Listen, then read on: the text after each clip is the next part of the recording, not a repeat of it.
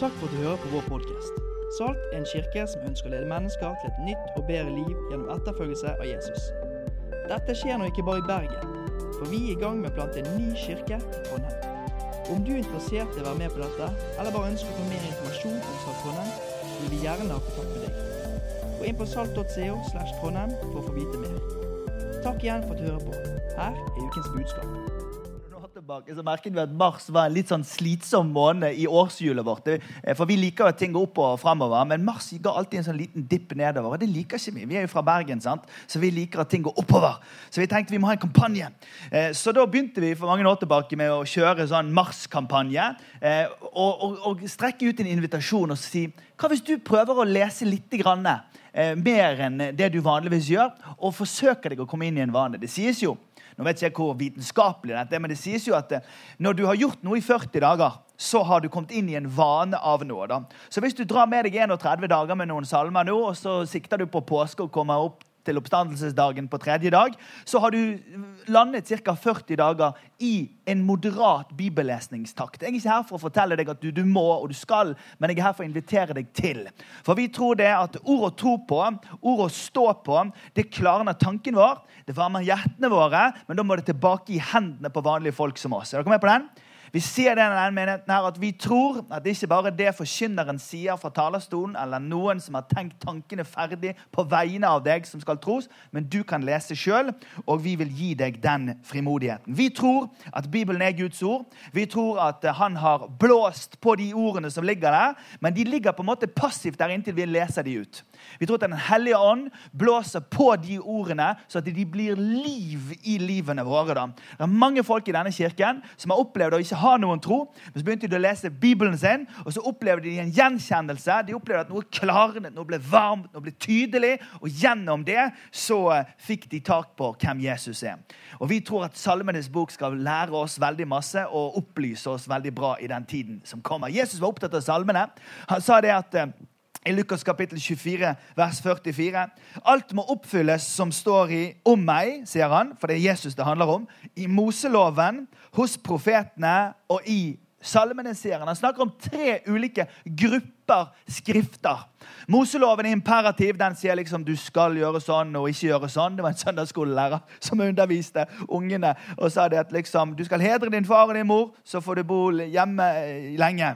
Er det andre lover som lærer oss hvordan vi skal oppføre oss med eh, søsknene våre, da, sa søndagsskolelæreren. Og så var det en liten gutt som sa du skal ikke slå i hjel. Eh, det er klart, og det er derfor vi må ha bibelundervisning. skjønner du? Så at folk ikke tar ting ut av sin sammenheng.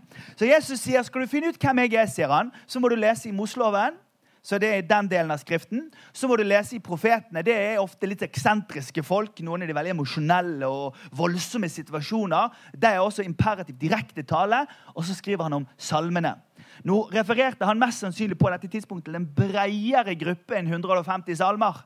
Men poenget er at salmene har en sjanger ved seg som viser oss menneskeligheten på en annen måte enn det de andre bøkene gjør.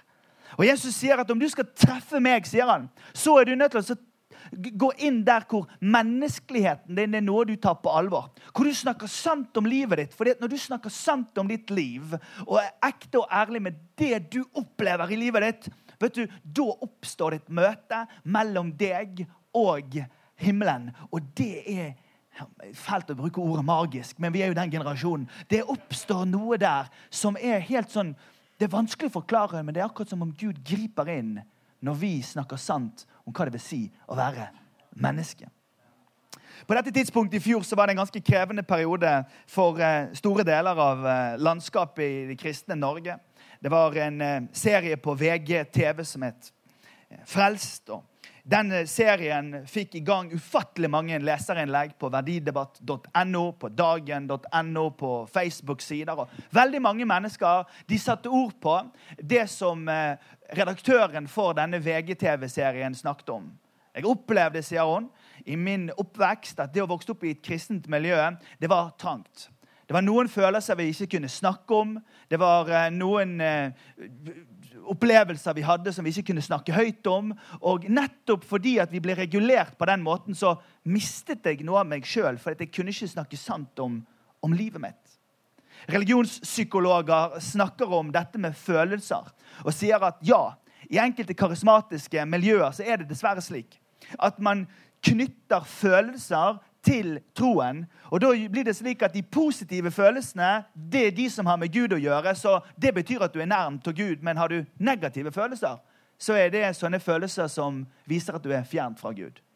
Og det er klart det at Hvis vi ender opp med et liv som reguleres av den type ideer, så blir det ganske trangt for menneskeligheten vår i livet vårt.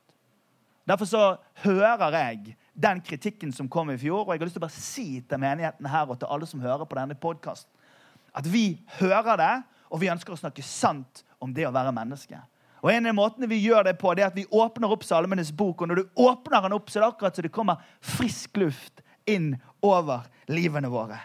Hvor vi får lov til å møte mennesker som er både fortvilte, folk som er maktløsløse, folk som er sjalu, folk som skammer seg, folk som opplever en, en djup desperasjon til nesten det suicidale. Men du møter også de menneskene som kjenner seg uovervinnelige, og som har behov for å rope ut sin takknemlighet til Gud. Salmene deres er en melding av det å være menneske, og hvordan Gud møter oss i vår menneskelighet. Salmene hjelper oss å be når ikke vi vet hvordan vi skal be lærer oss å finne et mønster til å gi takk til Han. Salmene lærer oss å sette pris på skaperverket og sette pris på de sosiale konstruksjonene rundt det å være menneske. Salmene lærer oss hvordan folk som er troende, blir aggressive og desperate noen ganger når det virker som om Gud er stille. Salmene viser oss at selv om livet går i stykker for oss, så går det an å komme seg videre fordi Gud er trofast. Vi ønsker bare å åpne opp. Og Salmene de kan kategoriseres i ulike sånne grupper. og Vi skal berøre noen av de i mars måned. og I dag skal vi snakke om lovprisningssalme. og Vi skal snakke om det fordi at det salme 8 som ble lest her, og vi straks skal lese igjen, er en sånn salme. Det å lære seg å gi takknemlighet til Gud. Og så er det fantastisk at dette ikke kommer i form av en artikkel eller kommer i form av et akademisk verk, men det kommer som en sang kommer som en sang, sånn som sanger ofte gjør. Så kan de berøre oss på steder som vi ikke visste at de kunne berøre oss. Jeg kan sitte i bilen min, sant? og så plutselig kommer det en sang fra da jeg var 15. Og så husker jeg plutselig hun der i niende. Skjønner du? Og jeg kjenner liksom, jeg håper ikke Gina ser tankene mine nå. skjønner du? Fordi at tankene våre de kan bli med dit sangen er. Sanger kan åpne opp rommet inni livet vårt som vi ikke visste var der. Og det er det salmene skal gjøre. Plutselig et øyeblikk av klarhet. Plutselig så ser vi Plutselig så ser vi Gud. Salmenes hovedidé er at Gud er stor, og han skal få vår ære. Det handler om Guds interaksjon med oss mennesker. Nå skal vi lese Salme 8 sammen. Og Du skal lese det fra boka her. Og Det er viktig å gjøre. Jeg har fått streng beskjed. Du må holde opp Bibelen. For det er denne yngre generasjonen som i dag vokser opp, de scroller rundt omkring. Og de er innom Dagbladet, VG og Northug på vei til Kolosserbrevet. Dette er en analog bok. folkens, Slik ser en bok ut. Og det er kapittel 8, og vi leser. Herre, vår Herre, hvor herlig er navnet ditt over hele jorden. Du som har bredt ut din pakt over himmelen. Fra småbarns og spedbarns munn har du reist et vern mot dem som står deg imot, for å gjøre ende på fienden og hevneren. Når jeg ser din himmel, et verk av dine fingre, månen, stjernene som du har satt der, hva er da et menneske at du husker på det? Et menneskebarn at du tar deg av det? Du satte ham lite lavere enn Gud. Du kronet ham med herlighet og ære. Du gjorde ham til herre over dine henders verk, og alt la du under hans føtter. Småfe og storfe i samlet flokk. De ville dyrene på marken, fuglene under himmelen og fisken i havet. Alt som ferdes på havets stier. Herre, vår Herre, hvor herlig er ditt navn over hele jorden. David er begeistra. Og David er i begynnelsen av gudstjenesten. Og David skal straks la trommeslageren og bassisten og hun på Keys gå i gang med greiene, fordi at han tenker at nå må folk bli begeistra for Jesus. Unnskyld for Jesus, for Gud og i dette tilfellet. Du skjønner hva jeg mener. Altså begeistra oppover. ikke sant?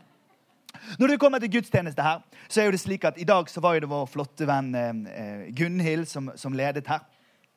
Og vi kommer jo inn sant, fra vår eh, liv her ute i, i, frosten. Og så kommer vi inn her, og så står Gunhild her. Og det første hun sier I hver av våre gudstjenester så gir hun et kall til å være med på lovsangen. Og det er ikke fordi vi har lyst til å ha allsang på grensen. Det er fordi at vi ønsker å følge Bibelens mønster. I Salme 105 vers 1 så står det 'Pris Herren og påkall Hans navn'. Mange andre steder så står det akkurat, det står nesten sånn 'Ingeniører, pris Jesus'. Alle sykepleiere, clap your hands. Det er akkurat som om det er en tydelig adresse fra lovsangslederen til at nå skal vi prise Gud sammen. Er dere med?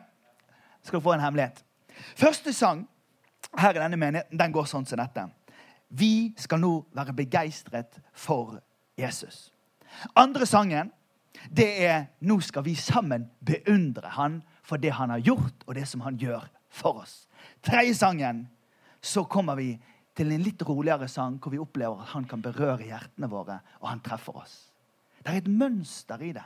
Og Det er ca. da Ruben kommer opp, og så har han med bønne- og takkelappene. Og Det er viktig for oss å engasjere deg og meg til at vi engasjerer oss litt sånn i troen vår på veien inn her. Han utfordrer oss til å tenke på noe som vi har lyst til å være takknemlige for. For det handler ikke om å framføre, det handler om å invitere til deltakelse. Er dere med?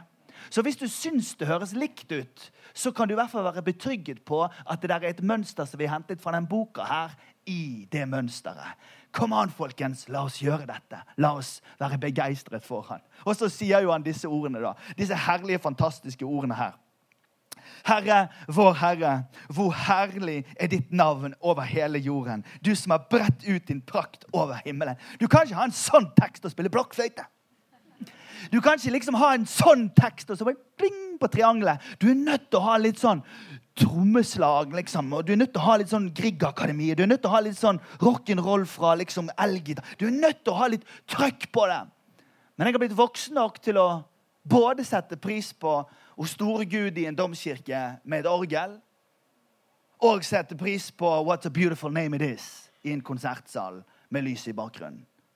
For Jeg har lært meg at det spiller mindre rolle hvilken musikkstil det blir presentert i. Det spiller med større rolle hvilket innhold det er i den teksten som jeg deltar i. Store konflikter i norsk kristenliv går mellom generasjoners preferanse på hvordan musikkteksten skal bæres i, men det er helt feil rekkefølge. Jeg eh, skal pensjonere meg om ca. 40 år. Og jeg antar at jeg kommer til å gå gjennom ca. 2, 3, 4, 5, 6, kanskje opp til 6. Nå vet jo ikke jeg hvor fort musikken eh, skifter, da. men liksom, vi vet jo aldri om gospel kommer tilbake. Det er jo fortsatt de som mener at det er det som er greien. sant? Noen er fortsatt på danseband-greien fra 50-tallet. Noen mener fortsatt at det er det som skjedde før krigen, som er viktigst. liksom Let it loose in the 30s. Fordi at musikkstil kan noen ganger fange oss på en slik måte at vi tror det er det det handler om. Nei, det handler ikke om det. Hold løst på musikkstilspreveransene dine, og hold fast på Han som er innholdet i det du synger. For det er det dere kommer til å gjøre, at vi kommer til å ha en relasjon med Han resten av vårt liv. Jesus illustrerer dette når han kommer til tempelet i Jerusalem.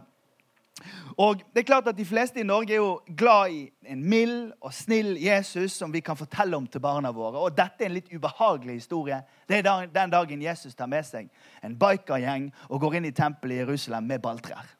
Han gir gass, han knuser bord, han velter pengevekslene sine bord. Han liksom slipper fri alle duene som de skulle selge til ofringer. Og han går bananas. Og så sier han, 'Dere har gjort dette stedet om til en røverhule', sier han. Dette skulle være et bønnens hus. Han, han, reiser opp en kontrast. og nå, dette er viktig. Han reiser opp en kontrast. Dere har gjort det til en røverhule. Det var ment til at vi skulle be her inne. Voksne folk sluttet å gjøre det man egentlig skulle gjøre i kirken. De gjorde noe annet istedenfor. Læring nummer én. Så blir det litt stille, god plass, ryddet stolene vekk. Så da kommer folk med rullestoler og krykker, og folk med diabetes, og folk med ME og folk med alle mulige slags sykdommer. De kommer gående, og Jesus helbreder dem. Og det er aldeles trivelig å være i kirken den søndagen, fordi at det skjer endelig noe. Og barna så godt oppdratt som de er, de begynner å synge lovsanger. Og de synger ikke sånne kule ting fra YouTube fra Amerika. Nei, nei, De synger Hosianna, David De synger veldig fine sanger fra Sørlandet. De gir gass ikke sant? borti en krok der borte. Men så står det at de skriftlærde ble forarget da de hørte ungene synge. Kontrast to. De skriftlærde som kan alt, de sier at det er feil at de synger sånn som de synger. Og så svarer Jesus ved å sitere Salme 8. Fra småbarns og spedbarns munn har han latt lovsang lyde. Hva betyr det egentlig? La meg få lov til å stille deg et spørsmål. Og så må du tenke sjøl, for nå kan ikke jeg være den påståelige predikanten. her. Nå er du nødt til å tenke selv. Kan det være at Jesus setter søkelys på at noen av disse voksne har vokst fra troen sin på Gud. Og at han her sier at ungene de skjønner faktisk mer enn dere som er blitt så voksne at dere har mistet meg, gjør.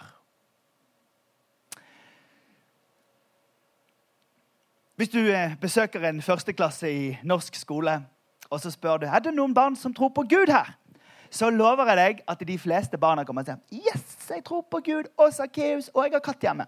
De fleste kommer til å ta opp hånd i første klasse. I tredje klasse litt færre. I syvende litt færre. I niende Jeg vil ikke kommentere det engang. Det virker som å være et mønster i Norge at eh, jo voksnere vi blir, jo mer fjerner vi oss ifra det å tro på en levende Gud. Og da er mitt spørsmål til deg hva er det Jesus mener da, når han sier at fra småbarns og spedbarns munn har han forberedt seg eller lagt inn lovprisning? Nå spør jeg bare, så får du tenke sjøl. Kan det være at det Gud gjør, er at han tar tingeling sånn som dette, og så rister han tingeling over ungene? Og så gir han barna i sin spedbarns- og småbarnstilværelse en kobling med seg sjøl som gjør at barnet opplever at Gud er reell i mitt liv. Jeg bare spør. Kan det være at det er slik? Se for deg 18. rad i Salt Bergenskirken en søndag. Mann 35 har akkurat fullført sin mastergrad i sosialantropologi, så den sitter i lillehjernen og historiehjernen og venstre og høyre side. Full gass inni der. Mastergrad. Før det er 13 år med norsk skolegang hvor han progressivt har blitt forklart at du må klare deg sjøl, for Gud kan du mest sannsynlig ikke stole så veldig mye på. Han har vet at det er røde tall i nettbanken. Han vet at de to sønnene skal på skole, så på SFO og så på fritidsaktivitet etterpå. Han vet at han er eldre foreldre. Han vet at han må betale skatt. Han vet at han er nødt til å betale ned på rekkehuset i Loddefjord. Han vet at han er nødt til å fikse den gamle Fiaten. Han vet at og så kommer Gunhild opp her. Gunhild, liksom. Kjære menighet, godt å se dere alle sammen. Vestlandet for Jesus. Kan ikke dere bare ta oss og løfte opp hendene deres alle sammen, så bare hengi oss til Jesus i en herlig lovsang? Og så står mann 35 der bak. Og så har han følgende krig inne i Nå er ikke det bare lille hjerne, for å si det sånn. Nå er det alle hjernene. Alt går på høygir. Og han spør Sier du at jeg nå skal løfte opp hendene mine og overgi min mastergradstatus. Mitt selvrealiserende karrieretrappetrinn, statusliv. Min familieforsørger, min skattebetaler, god borger. Min status her. Det er Gud som burde synge lovsang til meg, og ikke mottatt. Men hør. Noen mener kanskje at jeg overdriver når jeg sier dette, men jeg sier dette for å illustrere et poeng. Det er det at Når vi bor i en del av verden som gradvis klarer å forklare oss at jo smartere vi blir, jo mindre Gud skal vi ha, så er det da nødvendigvis slik at når Gud blir mindre, så er det noe annet som må bli større. Og det som da blir større, ja, det er jo du og jeg, det. Som står der på 18. rad med mastergraden og statusen og regningsbunken og ansvaret i vårt livsprosjekt. Og sånn lever de fleste i vår del av verden. Gud har aldri tenkt å usynliggjøre oss umyndiggjøre oss eller gjøre oss små. Det er ikke poenget. Men han er opptatt av rekkefølgen av hvem som er størst først. Og Det er det David lærer oss i Salme 8. For Han begynner med disse ordene, og så sier han Når jeg ser din himmel, et verk av dine fingre, månene og stjernene som du har satt der, da kommer spørsmålet hva er da et menneske? At du husker på det. Et menneskebarn, at du, at du tar deg av det. Ser du, han David vet, han har jobbet sommerjobb og høstjobb og vinterjobb. Siden han var kid, så har han jobbet for faren sin og passet sauene. Og han har hatt mer enn nok tid. For å si sånn, De var ikke på Pokémon-jakt på dette tidspunktet. Det var ingen jingi-jingi å fange. liksom. Det var ingen 24th level-greier. Det var sitte der og se utover i verdensrommet. Drømme seg langt bakom stjernene. Og han så foran for seg hvordan Gud med fingrene sine Akkurat som mor pyntet juletreet. Du skjønner bildet, så det var ikke juletre på den tiden. men bare bli med meg da. Altså, sant? Tok han kulene og plasserte de utover i verdensrommet. sånn, Og så bare gjorde han det vakkert. Altså, når han så storheten av det, så dukket spørsmålet opp. Ja, men Gud, hvis du kan gjøre alt dette Tenk at du, tenk at du ser meg, da. Tenk at du ser du som er så stor, at du ser meg. Hvem er da et menneske? Det lyder, lyder sånn som dette i vår tid. Hvem er jeg? Og Det hører vi fra gutterom og fra jenterom i byen vår. Vi hører det fra stuene og fra kantinene rundt omkring i det ganske land. Hvem er jeg? Hvorfor er jeg her? Hva er, hva er meningen med livet? Men utfordringen vår i vår del av verden det er at forhenget blir dratt for himmelen. Så vi spør ikke om Gud som er stor, og undres ikke om hvorfor han ser oss. Nei, vi har måttet lage en stor meg fordi at vi er nødt til å romme hele dette rommet sjøl. Og her, dere, er det utfordringen for moderne mennesker sitter. Et lite liv på 100 år er ingenting imot den eiken som står borti veien, som har levd i 1000. Og 1000 er vel ingenting i forhold til menneskehetens historie. Og ingenting i forhold til det, den tiden denne planeten har vært her og svirret rundt omkring i dette verdensrommet. Jeg kan gå over et fjell fordi at jeg er i midtlivskrisen og er nødt til å gjøre det for å ha noe å skrive på Facebook. Men sett fra verdensrommet så er det fjellet bare en liten haug. Og satte enda lenger utenfra så er den lille blå planeten bare et lite lysglimt i en lite solsystem i en liten galakse i et enormt univers. Det er så lite dette livet. Og det er klart at Du kan sitte der med en stengt himmel og spørre spørsmål. Eller så kan du bli med David ut under en stjernehimmel. Og så kan du begynne i rett rekkefølge. I begeistringen over Tenk at han som har gjort alt dette, også husker på sånne som meg. Tenk at han som har gjort alt dette, gir mening til mitt liv. Og det er det han gjør når han bretter ut ifra vers 6 her. Du satte mennesket litt lavere enn Gud. Og Du kronet mennesket med herlighet og ære. Du gjorde mennesket til herre over skaperverk, dine henders verk. Og du la alt under menneskenes føtter. Småfe og storfe i samlet flokk, villdyr på marken, fuglene under himmelen, fisken i havet, alt som ferdes på havets stier. Det er fantastisk. Hva er det for noe? Det er et ekko av skapelsesberetningen, og alt faller på plass for David fordi han skjønner at den Gud som har vært i evighet og skal være i evighet, han skapte en gang dette. Han er svær, men han ser også det som er lite. Og mitt liv, det rommes av hans omsorg fordi han ser meg.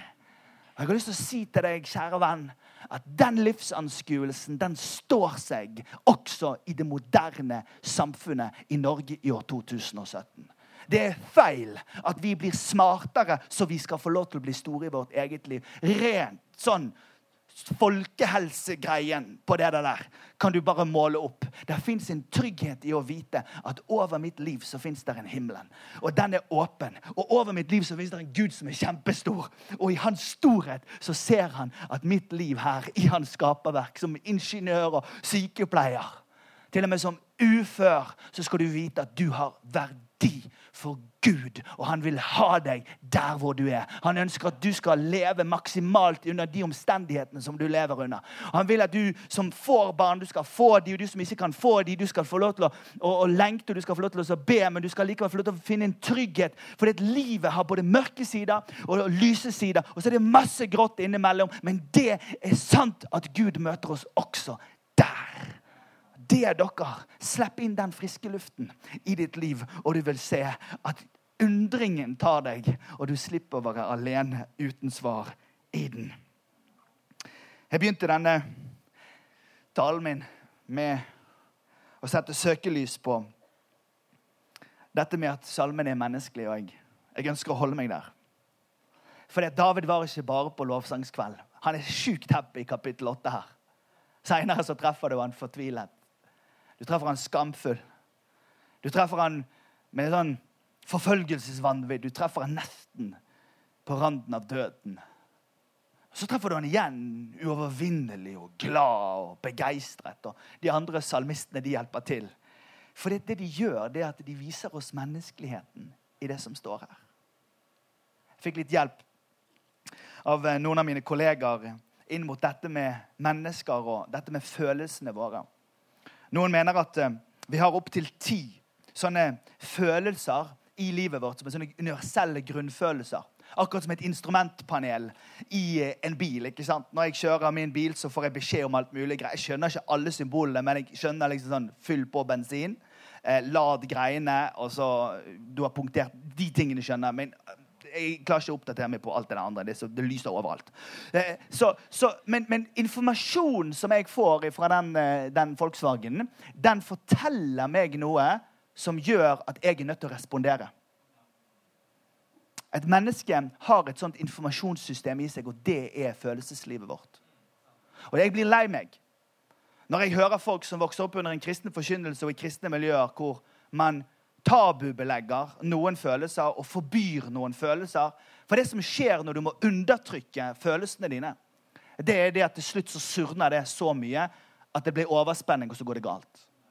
Når jeg hører folk si at jeg vil heller leve et lykkelig liv som menneske enn et ulykkelig liv som kristen fordi jeg aldri når opp, da må vi gå i oss sjøl og så må vi si da forkynner vi feil greier. Derfor så trenger vi bare å åpne opp midt i denne boka Slippe inn den luften som vi alle sammen trenger å kjenne midt i det livet vi lever. At Gud han møter oss i vår menneskelighet. Om du reiser til Manila eller du reiser til Buenos Aires, så vil redsel slå ut som redsel. Glede, tristhet, misinne sinne og misunnelse, skam og skyldfølelse, hengivenhet, avsky. Dette er ikke en forelesning i religionspsykologi, men det er bare for å illustrere for deg at det er lov til å føle sånn som du føler. Det er lov til å reagere sånn som du reagerer. Og Det er kanskje derfor Jesus sier at skal du vite hvem jeg er, ja, så må du lese i Mosebøkene og så må du lese litt hos profetene. Men du må også lese den mest menneskelige boken av de alle. Hvor du møter det fortvilte mennesket som Gud allikevel kommer i møte. Den som har vært utro og opplever at nå går det i stykker men allikevel finner nåde hos Gud. Den som er så oppspist av sjalusi og eietrang at han nesten tar livet av den man er glad i. At det går an å puste ut og finne tilliten igjen. De menneskene som opplever at det som var en forakt imot et søsken, som var så utrolig mye bedre til alt, at man nett opparbeidet seg et hat som gjør at man er fanget i sine egne motfølelser. Det går an å finne en frihet og en nåde hos Gud. Men vi må reagere først. Vi må snakke sant først. I ordet, ordet hykler er relatert til ordet skuespiller. Og vet du hva? Noen ganger så er vi som tror på Gud, noen av de største skuespillerne av alle. Fordi vi tar til oss en atferd som vi tror er forventet av folk rundt oss. Og så mister vi ærligheten, og når vi mister ærligheten, så blir alt et skuespill til slutt. Gud ble menneske. Og så flyttet han inn i nabolaget. Så ble han et menneske og bodde blant oss for å vise oss at han ville komme helt tett på ditt gutterom, din, din hverdag, dine følelser og ditt liv og så si Her møter jeg deg. Derfor. Derfor så vil vi ha deg med inn i salmene. Derfor så vil vi ha deg med inn. Jeg skal preke om to uker her om hva gjør vi når Gud blir borte. Hva gjør vi når vi kommer til det punktet i livet vårt hvor det føles som om troen bare forsvinner og blir borte? For vet du, det skjer i et liv, for et liv er langt for folk. Men det går an å finne et språk og en retning gjennom det. For hovedfortellingen det er sånn som avslutningen av Salme 8. Herre, vår Herre, hvor herlig er ditt navn over hele jorden. Ja da, Vi kan begynne i begeistring, og vi kan gå til beundring, og vi kan bli begeistret igjen på slutten. Men hver kveld er ikke en lovsangskveld. Og hvis vi tør å snakke sant om livet vårt med Gud, så kommer vi til å gå med Gud hele livet vårt. For I make a stand i Norge på at vi skal ikke ha generasjoner av folk som forlater den kristne troen, for de blir utmattet av å forsøke å få det til. La oss lufte ut så at vi får en større Gud enn et stort jeg. Fordi at med et stor Gud så er det nåde nok for de vanskelige passasjene i livet også. Men om det skal være en stor meg hele tiden, så blir vi utmatta av å gjøre det. Og det står i boka her at det er lov. Så hjertelig velkommen inn i disse sangene og inn i disse fortellingene. Og speil ditt liv der. Om du vil klage, om du vil skrike, om du vil slå eller du vil juble. Gud, han liker at du viser han at du tar han på alvor. Og så skjer det, det der. Beklager uttrykket magisk. Det der magiske. At Gud blir menneske akkurat der hvor du er. Å, det er et fantastisk liv. Skal vi reise oss opp, og så ber vi sammen. Hellige Ånd, vi takker deg for at du er i dette rommet i kveld. At du er her nede på gulvet fra scenekanten og bakerst og oppe på galleriet. Fra vegg til vegg, Herre, så fyller du dette stedet med ditt nærvær og med din godhet. Og Vi tror det som står i ditt ord om at dette ordet her er det innblåst av deg. Og så ligger det her. Men på en kveld som dette, når vi løfter det opp og leser det, så blåser du på det ved din Hellige Ånd som er en vind. Og du blåser på dette ordet, og så tar det tak i seilet i livene våre, og så tar det oss i en retning. Herre, du tar denne menigheten her. Du tar disse folka her. Herre, du tar oss framover og videre i livsvandringen med deg. Noen går gjennom solskinnsdager. Andre opplever at det er røff sjø utpå der. Men Herre, det er din ånd som blåser. Fordi du tar oss i retning av deg. I retning av mer lys, mer fred roligere farvann. Herre, vi takker deg for at vi alltid, alltid, alltid kan tro og vite at du har omsorg om oss. Herre, jeg ønsker å be og bekrefte ethvert menneske inn i dette rommet som i løpet av denne forkynnelsen har kjent at det berører deres hjerte. Herre, at, at du begynner å pirke borti noe som Pirke borti noe som, eh, som man ikke visste var der. Herre, takk for at du gjør det. Takk for at du gjør det, Herre. Takk for at du gjør det.